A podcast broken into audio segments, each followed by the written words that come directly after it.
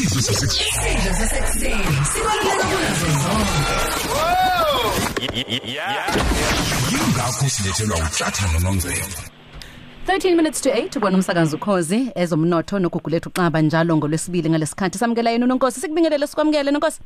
Kwisidlo sakuseni ivukile uziyana eh uziyane ayanda uyengwana lolo khozi ngiyabingelela Nkosi. Eh mhlawumbe a- ake sibheke la eh kade simincile sathola ke manje imphumela yalo ke ukhetho sekuyaqokwa njalo njalo sisabheke lokho kuphuma izibalo eh iunemployment rate kulindeleke ukuthi ikhuphuke ngo0.3% isibalo sabantu abangasebenzi eningizimu Afrika. Ikusasa lomnotho wethu njengoba sesidlulile kulona ukhetho siyazi ukuthi nezimakethe zasemazweni omhlaba zisuke ziqaphile ukuzi- ukuthi kuzohamba kanjani l- zibheke ukuthi zinethembe lingakanani kubona ubuholo obungenayo ukuthi usimamisa umnotho. Kunjalo nongcebo esesidlulile and sibobongela abawinile eh besikade sibe sibuka ngeviki edlule lokho besikubiza ngepolitical entrepreneurship.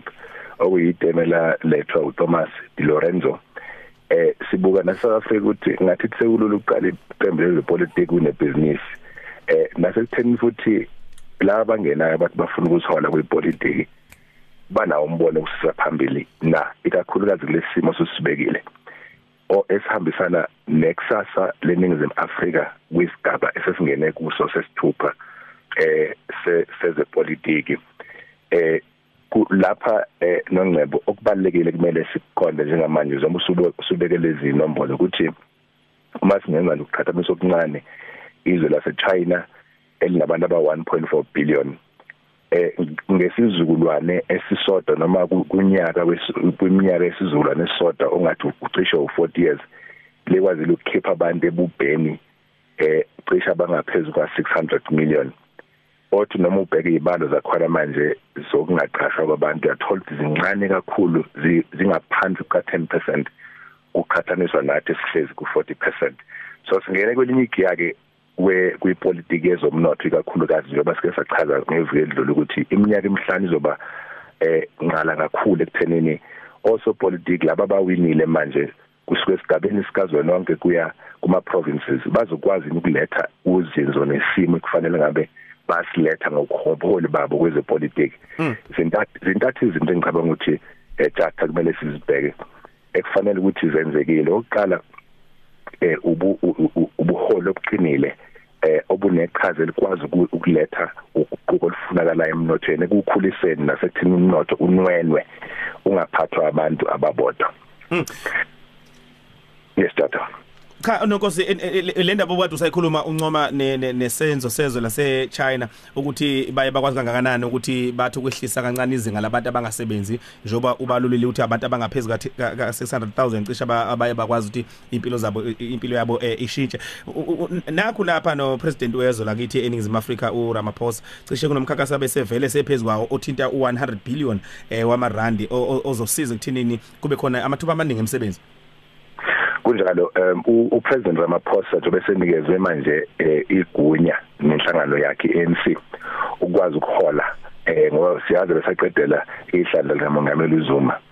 Se- sekuhleze emahlombe akhe kakhulu ujathi ukuthi akwazi eh ukuletha eh lolu guquko kade ekhulume ngalo. Uzokhumbula ukuthi ukhulume ejathi ngokuthi eh, la uzofuna imali enga 100 billion ama-dollar eh engicabanga ukuthi leyo mali vele usekwazile ukufinyelela kuyo engakapheli iminyaka emihlanu.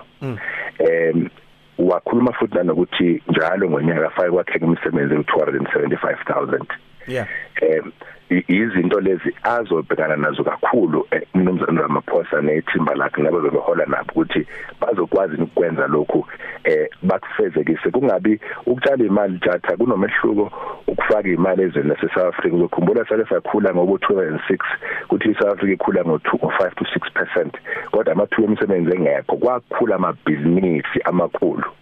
Nalokhu kungase kube khona ishwa lokuthi kuthiwa imali ziyangena eningizimu Afrika zivela ngaphesheya nathi sijabule. Kodwa uthola ukuthi kukhula eh laba vele abangamabhizinisi amakhulu abavele bekhona laba abafanele ngaba bayakhula abancane nabafanele bangene emnothweni kakhulukazi abantu abamnyama abathola inhlobo ithuba. Nokunye thatho kunye la kubaleka kakhulu ukuthi siyazi ukuthi abatshali imali bala ngaphakathi eNingizimu Afrika. Kuyaziwa ukuthi bahlezi nemali engaphezulu kwe2 trillion. Istudy sase University of Johannesburg sikuvezile lokho ukuthi bahlezi nemali enkulu kabi abangafuni ukuyifaka ngoba baye babheka ukuthi ubani ophethe ngaleso sikhathi bayamthanda yini noma bayamuzwa yini. So yilapho ipolitiki yezomnotho ijiya khona ngoba eh uma imali ingezukuhlala kithi njengabantu abamnyama ihlezi abelungu abanemali eNingizimu Afrika kuyaziwa lokho. Bayabuka ukuthi bana bamthandayo abasibawazi ukufaka imali. Uma kuthi uRamaphosa usephathile uzophatha njengamanje bazokwazi ukuyifaka le mali? Umbuzo omkhulu lowo. Mhlawumbe uma sibheka eh nonkosi okunye sike sakubheka ngaphambilini sike sabheka indaba yamathuba eh amabhizinisi amancane ukuthi akhule amathuba ukuthi enze umsebenzi awathola amathuba okwenza umsebenzi. Lokho mhlawumbe kuyinto efanele ibhekeleleke kangakanani uma kufisa ukuthi umnotho wethu ukhule?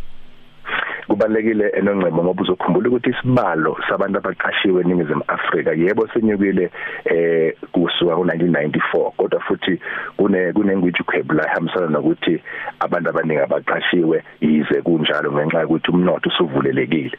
Lapha eh u60% kweve kwabantu abasuke beqashiwe baqashwe osoba business amancane. Uma bengeza ukunakekeleka inkinga izoba khona kakhulu ngoba njengoba sengikubalulile ukuthi osoyimbona abakhulu abanankinga bona. Inkinga isemabhizinisi amancane. Bathatha imishini njengoba sihlala sikhuluma nge4IR fourth industrial revolution ba replace abantu. Ubonile kuyadiliza amabhenki amaningi imine ziyadiliza.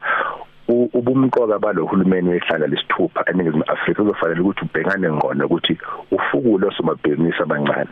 Nasekuthenini nongcebo kumele ukuthi abantu abasebenzela uhulumeni emazinge nonke kusuka national provincial na local ikakhulukazi local babe abaqeqeshekile. Ngelinye ilanga sizobheka imali kunyaka ofile uyimali nongcebo ezibuyele emuva zingasetshenziswanga ohulumeni basemakhaya nohulumeni beyifundazwe.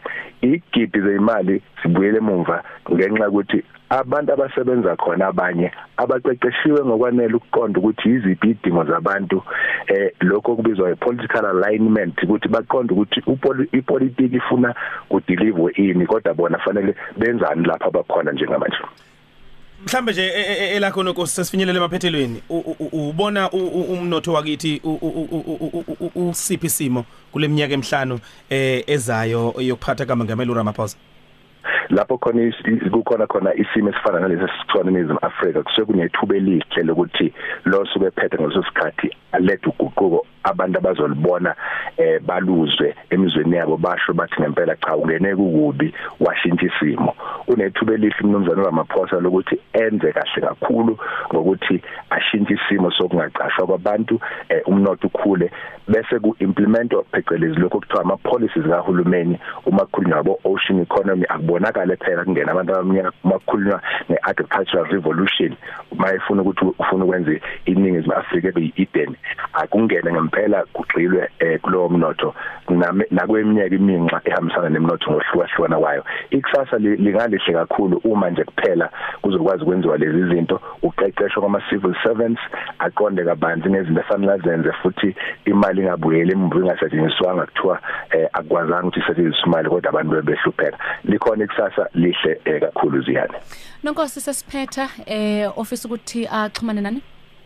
Eh www.amandlaomnotho.co.za noma google lethu @adamopix.co.za isaqhubeka eh ukuthi sithatha abantu abafuna ukuba ingxenye yokungena kwezamadayimane ngomhla 31 kwephezulu bangabhalisa nabantu bathumele ku WhatsApp 0822 52217 Sibonga kakhulu sobatha